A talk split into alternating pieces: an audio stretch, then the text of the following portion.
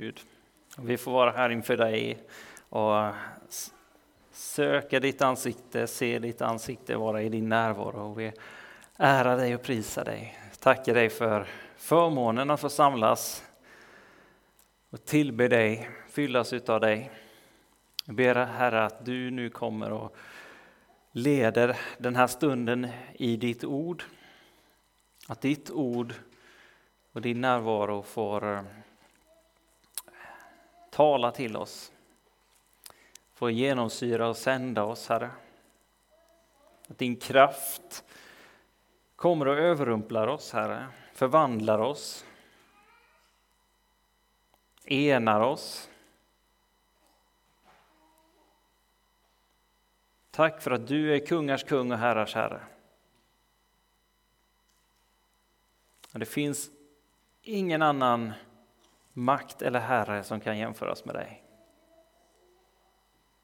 Amen.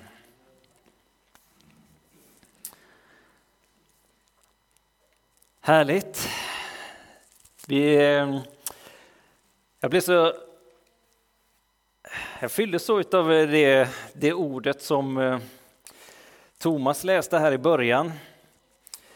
Eh, och så jag kände bara att eh, jag kanske får, får byta predikan och, och, ta det ordet istället, men jag ska inte göra det utan jag ska, ska ta det som, som jag har haft med mig inför gudstjänsten och, och som jag har förberett. Så.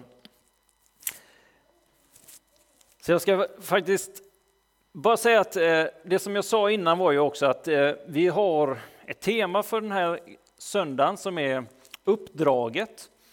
Och det är en del av en temaserie som vi har nu som är ett folk på uppdrag som vi, vi går igenom under tio söndagar och det här är andra söndagen. Förra söndagen så eh, handlade det om att vara ett folk. Och som jag sa då också så handlar ju vad vi är för folk, det folket, även om vi vill tala om att vara ett folk då, enade, så, så samlas vi runt vilket uppdrag vi har. Så och vad det uppdraget handlar om. Så, så vi har varit inne på uppdraget redan och kommer, kommer vara inne på det väldigt mycket under den här hösten. Men jag skulle vilja läsa nu från Matteus evangeliet kapitel 6, vers 24 till 34. Och det här är en del av eh, bergspredikan. Och Jesus säger så här. Ingen kan tjäna två herrar. Kommer han, antingen kommer han att hata den ene och älska den andra eller hålla fast vid den ene och förakta den andra. Ni kan inte tjäna både Gud och mammon. Därför säger jag er, bekymra er inte för ert liv, vad ni ska äta eller dricka, eller för er kropp, vad ni ska klä er med. Är inte livet mer än maten och kroppen mer än kläderna? Se på himlens fåglar. De sår inte, de skördar inte och samlar inte i lador och ändå föder er himmelske far dem. Är inte ni värda mycket mer än dem? Vem av er kan med sitt bekymmer lägga en enda aln till sin livslängd? Och varför bekymrar ni er för kläder? Se på ängens liljor hur de växer. De arbetar inte och spinner inte. Men jag säger er, inte ens Salomo i all sin prakt var klädd som en av dem. Om nu Gud ger sådana kläder åt gräset som idag står på ängen och imorgon kastas i ugnen, hur mycket mer ska han då inte klä er? Så lite tro ni har. Bekymra er därför inte och fråga inte vad ska vi äta eller vad ska vi dricka eller vad ska vi klä oss med? Allt detta söker hedningarna efter. Men er himmelske far vet att ni behöver allt detta. Nej, sök först Guds rike och hans rättfärdighet. Så ska ni få allt det andra också. Bekymra er alltså inte för morgondagen, för morgondagen bär sitt eget bekymmer. Var dag har nog av sin egen plåga. Så lyder det heliga evangeliet. Lovad vare du, Kristus.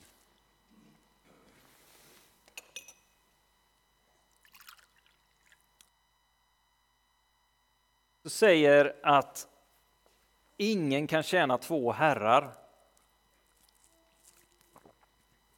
Gud eller mammon.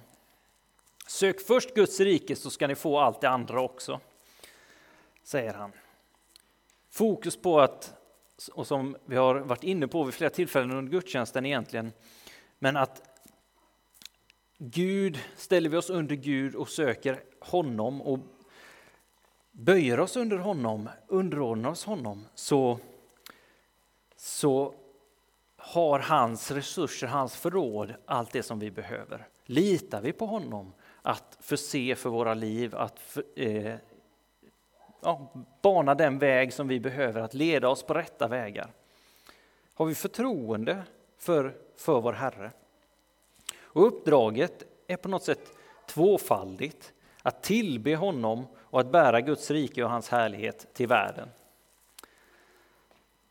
Förra veckan eh, sa vi att vi förts in i hans underbara ljus, hans, eh, eh, att vi har gått från mörkret till in i hans ljus, hans underbara ljus. Att vi är ett kungligt prästerskap och ett heligt folk. Och det är det här dubbla eh, budskapet. Vi bär ljuset till världen och det är poängen. Vi är bärare av något som världen inte har. Vi har ljuset, vi har Jesus Kristus.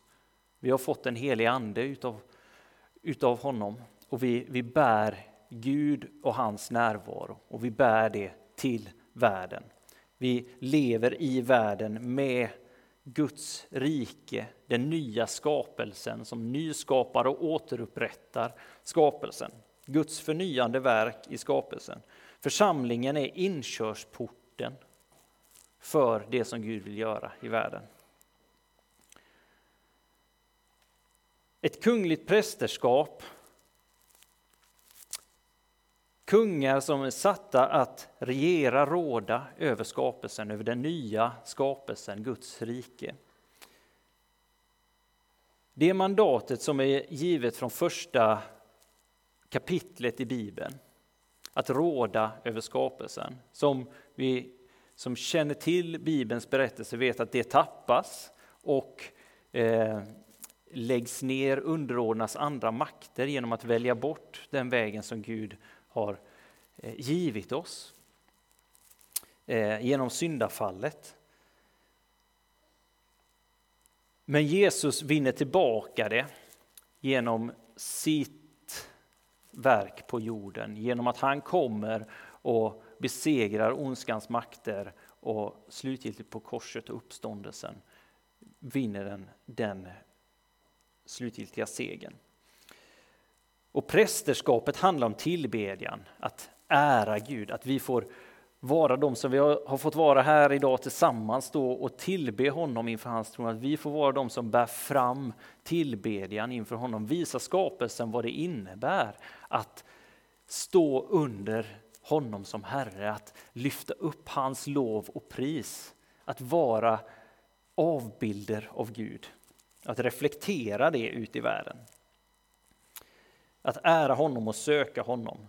Som Jesus säger här då, ingen kan ha två herrar, antingen Gud eller också mammon. Vi kan inte tillbe både Gud och samtidigt vara rika eller eh, ha, det, ha ett bekvämt liv, eller både Gud och eh, ha en framgångsrik liv eller vad, vad det nu är som, som ligger nära för oss. Vi har alla olika så att säga, avgudar som kan dyka upp där som, som ligger för våra ögon. Eh, men Jesus han, han säger till oss Sök först Guds rike och sen så ska ni få allt det andra också. Det innebär inte att bara för att vi, vi söker Herren, söker Gud, så är det med visshet så att vi kommer bli rika eller framgångsrika eller så. Men, men Gud han har det som vi behöver för det här livet. Han har det som, som vi kommer behöva eh, för att göra det som han har sänt oss att göra. Och han, han kommer förse för, för oss där vi befinner oss. Och, och Jesus han, han säger, hans verk på jorden var att komma och dö för världen. Och han kallar oss att följa honom i det, att dö för oss själva. Men han säger inte, inte bara det. Han kommer inte och säger böj er mina tjänare och var mina slavar eller så, utan han kommer och säger, jag har kommit för att ni ska ha liv och liv i överflöd. Vi ska få fyllas av hans rike och eh, hans liv och glädje. Han har kommit, som jag sa, för att dö och han säger till oss att vi ska lämna allt och följa honom. Och att följa honom innebär frihet. När vi får lämna allt det andra som har bundit oss på olika sätt. När vi får lämna allt som, som har varit mina egna ambitioner, mina egna drömmar och visioner så att säga som, som binder mig eller lögner i mitt liv eller vad, vad det nu kan vara. Och jag får, får lämna det till honom och, och säga att det är din sak i mitt liv. Det är din sak Jesus i mitt liv. Då finns, kommer friheten och fyller mig. När jag får omvända mig från det som, sen kanske han sen fyller mig med de drömmarna ändå, det vet, det vet jag inte. Kanske han gör det.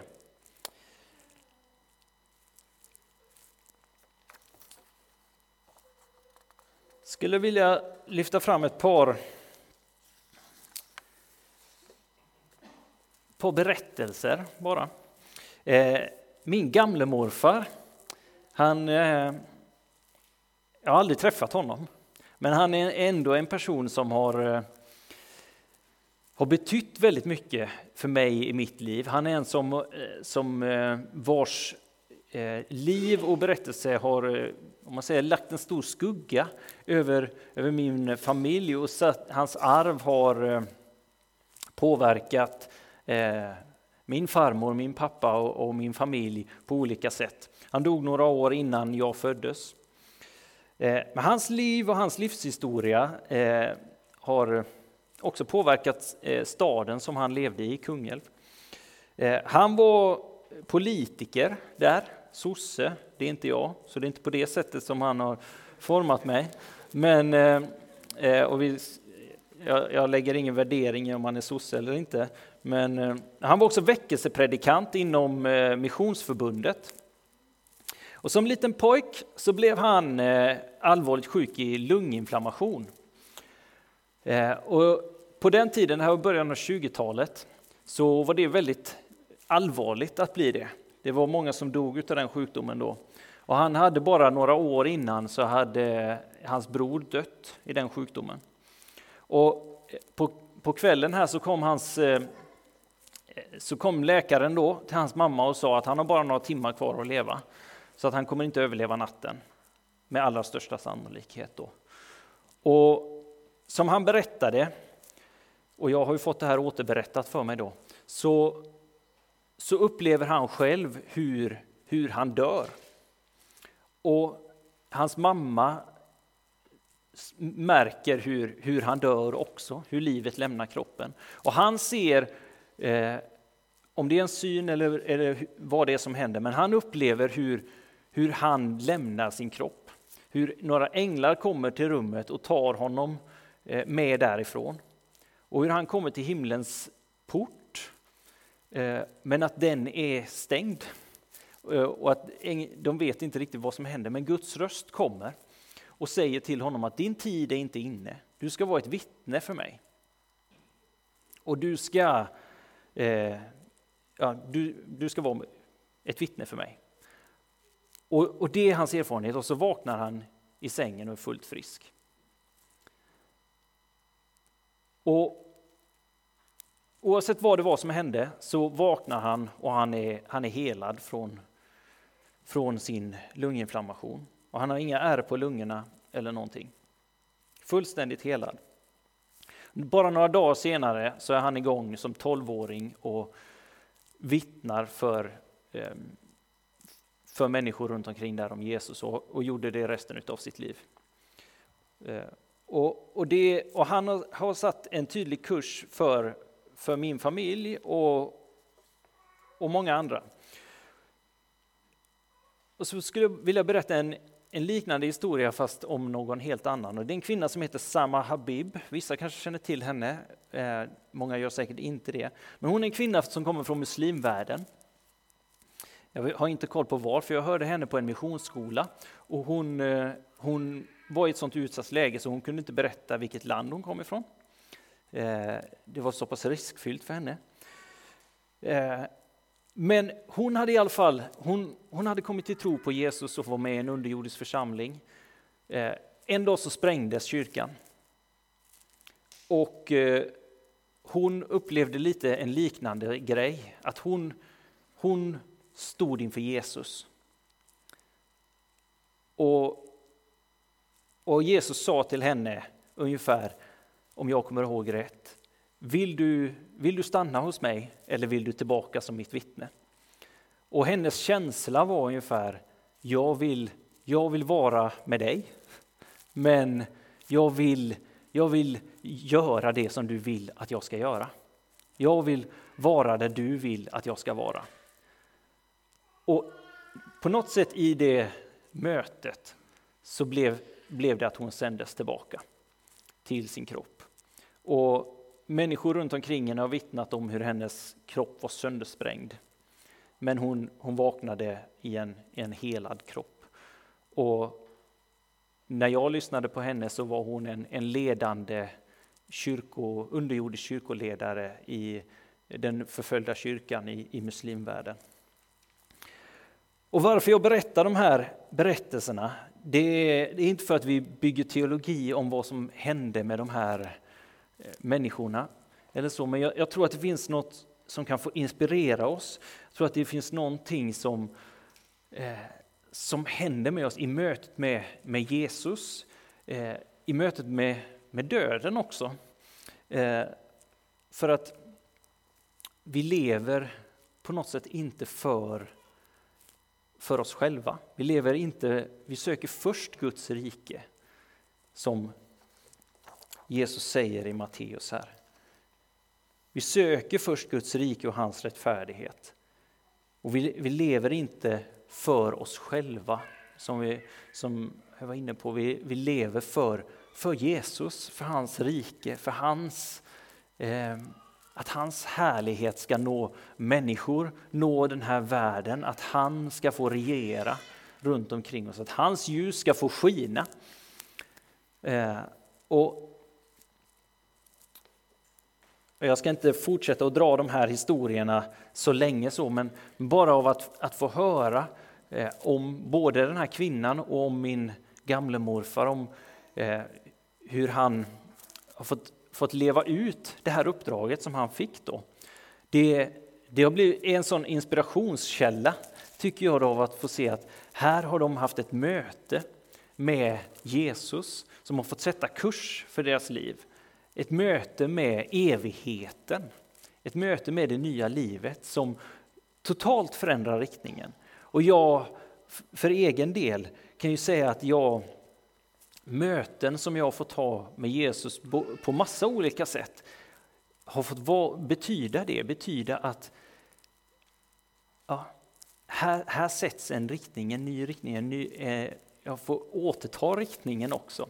Så jag tror att vi behöver det för det uppdraget som vi ska, ska leva, som jag var inne på i början, att, att få ja, reflektera Jesus ut i världen, att få tillbe honom, att få få visa hans, hans rike för världen, hans herravälde, att han är kung, han är herre. Att det finns ingen annan herre, att han har vunnit segern och att han kommer med sin nåd, att, att det finns möjlighet till nytt liv i honom genom att, att böja sig och säga att jag, jag är en en syndare och jag behöver din förlåtelse. Jag behöver nytt liv i Kristus och säga att han är den enda Herren. Vi får bära Kristusdoften till världen genom att vi, genom att vi ser vem han är. Genom att vi, vi möter honom. Och det kan vi bara göra när han är vår Herre. Jesus, som jag kommer tillbaka till om och om igen, säger att, han, att ingen kan tjäna två herrar. Och vi dras till de här olika herrarna hela tiden. Det finns saker i våra liv som försöker liksom snirkla sig in hos oss och, och, och, lura oss att det här är, är vägen i våra liv på något sätt. Det här är det som, som är vårt livsuppdrag eller vår, vårt mål i livet. Men där, där får vi komma till omvändelsen och säga att nej, Jesus är målet för mitt liv. Hans, hans rikes utbredande, att människor får möta honom, att människor får, eh, får se att han är Herre och har all makt i himlen och på jorden, att han är evigheten. Att det får fylla mig med den nöden, att det får fylla oss som församling den nöden. Att vi får söka först Guds rike och hans rättfärdighet och inte alla de andra sakerna som får uppta oss. Första Korintierbrevet 2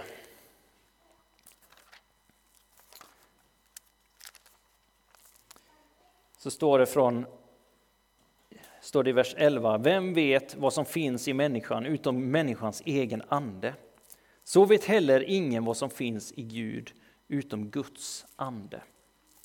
Guds ande, den helige ande, känner djupen i Gud, känner allt som finns i Gud.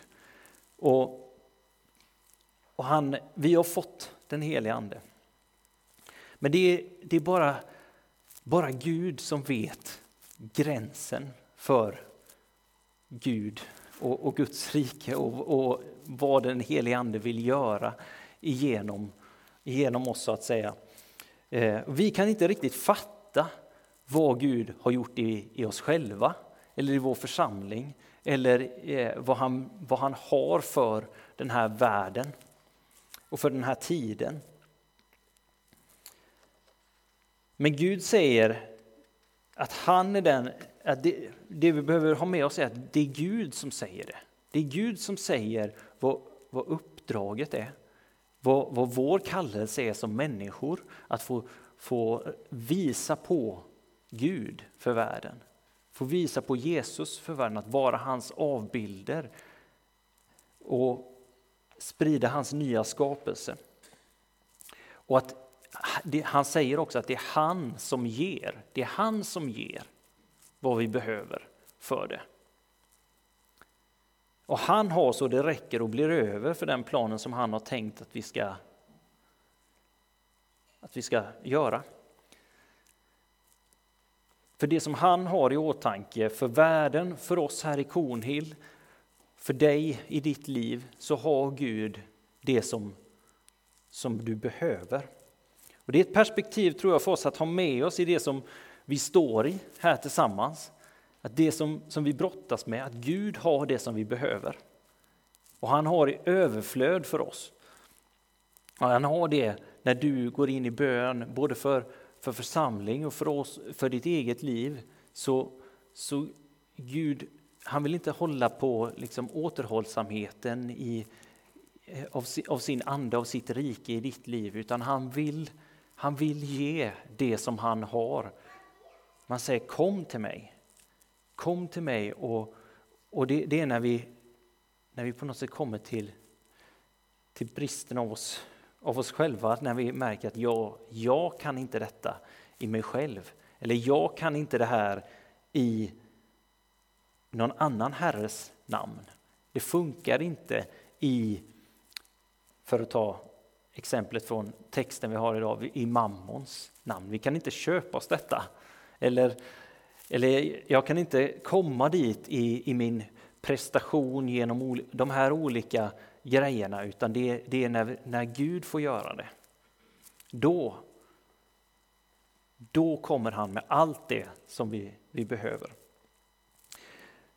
Första Korintierbrevet kapitel 3 från vers 16 så så står det så här, vet ni inte att ni är Guds tempel och att Guds ande bor i er? Om någon fördärvar Guds tempel ska Gud fördärva honom, för Guds tempel är heligt och det templet är er, är ni. Men vet ni inte att ni är Guds tempel och Guds ande bor i er? Att vi är Guds tempel. Han fortsätter här, Paulus, i, i kapitel 6, vers 19. Eller vet ni inte att er kropp är ett tempel för den heliga Ande som bor i er och, ni har fått, som, och som ni har fått av Gud? Ni tillhör inte er själva. Ni är köpta till ett högt pris. Ära då Gud med er kropp. Och här tror jag dels att vi är köpta för ett högt pris. Jesus han har kommit till världen, han har, han har dött för, för oss. Och vi, har fått, vi fick se hur Agnes döptes här idag. Och vi har alla fått bli, bli döpta och frälsta in i hans underbara ljus. Och vi, det, det är fantastiskt, vi, vi är glada för det. Men det har kommit med ett pris. Att Jesus har gett sig själv för oss. Och, men, och i det så har vi fått den helige Ande att bära ut uppdraget vi har. Att han ger sig själv till oss. Att visa på honom, stå i hans namn, vara hans ambassadörer där vi går fram, leva i och av honom i den evighet som han redan har satt in oss i.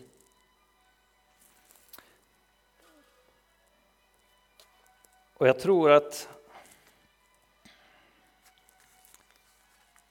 jag tror att, att Gud påminner bara om att det finns det finns kanske någon eller några som eh, ja, som, som känner en, en jag vet inte exakt hur jag ska uttrycka det, men eh, känner att det här, ja, jag, jag kan inte eh, äga, äga det som Gud har gett mig, om man får uttrycka sig så. Att jag, jag, jag kan, inte, jag kan inte ta emot eh, Jesu uppdrag, jag kan inte bli fylld av, av anden. Eh, jag, jag, kan inte låta den heliga andes ström flöda genom mig på det här sättet. Och det, det, kan säkert vara av olika anledningar, men, men jag tror att Jesus har betalat ett pris och, och vi, vi, vi får stå i hans ljus, vi är införda i hans ljus och hans uppdrag gäller oss allihop. Och hans eh, välsignelse gäller oss allihop. Och, och jag tror att sit, sitter du här som, som känner igen det, att det resonerar i dig, att ja, så, så tror jag att Gud, han också, han talar till dig nu och du, han, jag tror att han välsignar dig och han, eh, Eh, han talar till dig och upp, upprättar dig. Eh, och du får gärna komma till förbön sen eh, och också möta honom i, i resten av gudstjänsten. Och, men, och, eller be någon runt omkring dig be för dig. Men ta emot det som Gud gör För det, det, finns det här dubbla att Gud har, han har gett oss sin, han har gett oss sig själv. Och vi, vi får låta strömmen flyta på något sätt. Vi får komma till honom och värna om hans, hans närvaro ibland oss och i våra liv. Vi får komma till snabb omvändelse komma snabbt tillbaka till Jesus när vi märker att nu är det något annat som drar mig. Vi får likna Kristus, vi får söka Guds rike och utbreda det. Att vara ett kungligt prästerskap inför Gud. Och Det innebär på något sätt att få se hans vilja ske, både hur människor som inte följer Jesus får, får omvända sig och följa honom, att bekänna honom som Herre och ta emot syndernas förlåtelse.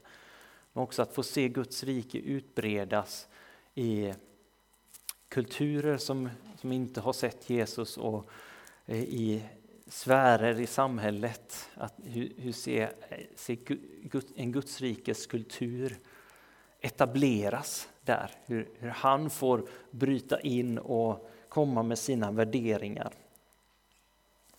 Och vi kan bara göra det i hans kraft, i hans namn, i hans resurser. Så, så låt oss be om det, låt oss låta honom komma och förvandla oss och sända oss. Så Herre, jag tackar dig. Tackar dig för att du, du vill sända oss på precis samma sätt som de här människorna som vi har lyft fram berättelserna om. Jag tackar dig för att, för att de fick dö och uppstå, Herre. Jag tackar dig för att vi har fått göra det också. Jag ber om, eh, Herre, om en, eh, ett möte med dig idag. Att du kommer, helig Ande, och talar till oss. Att du visar oss på nytt vilka vi är och vem du är framför allt, Jesus. Att du har all makt. Att din härlighet ska fylla världen. Att vi får gå med dig, i dig och efter dig, Herre.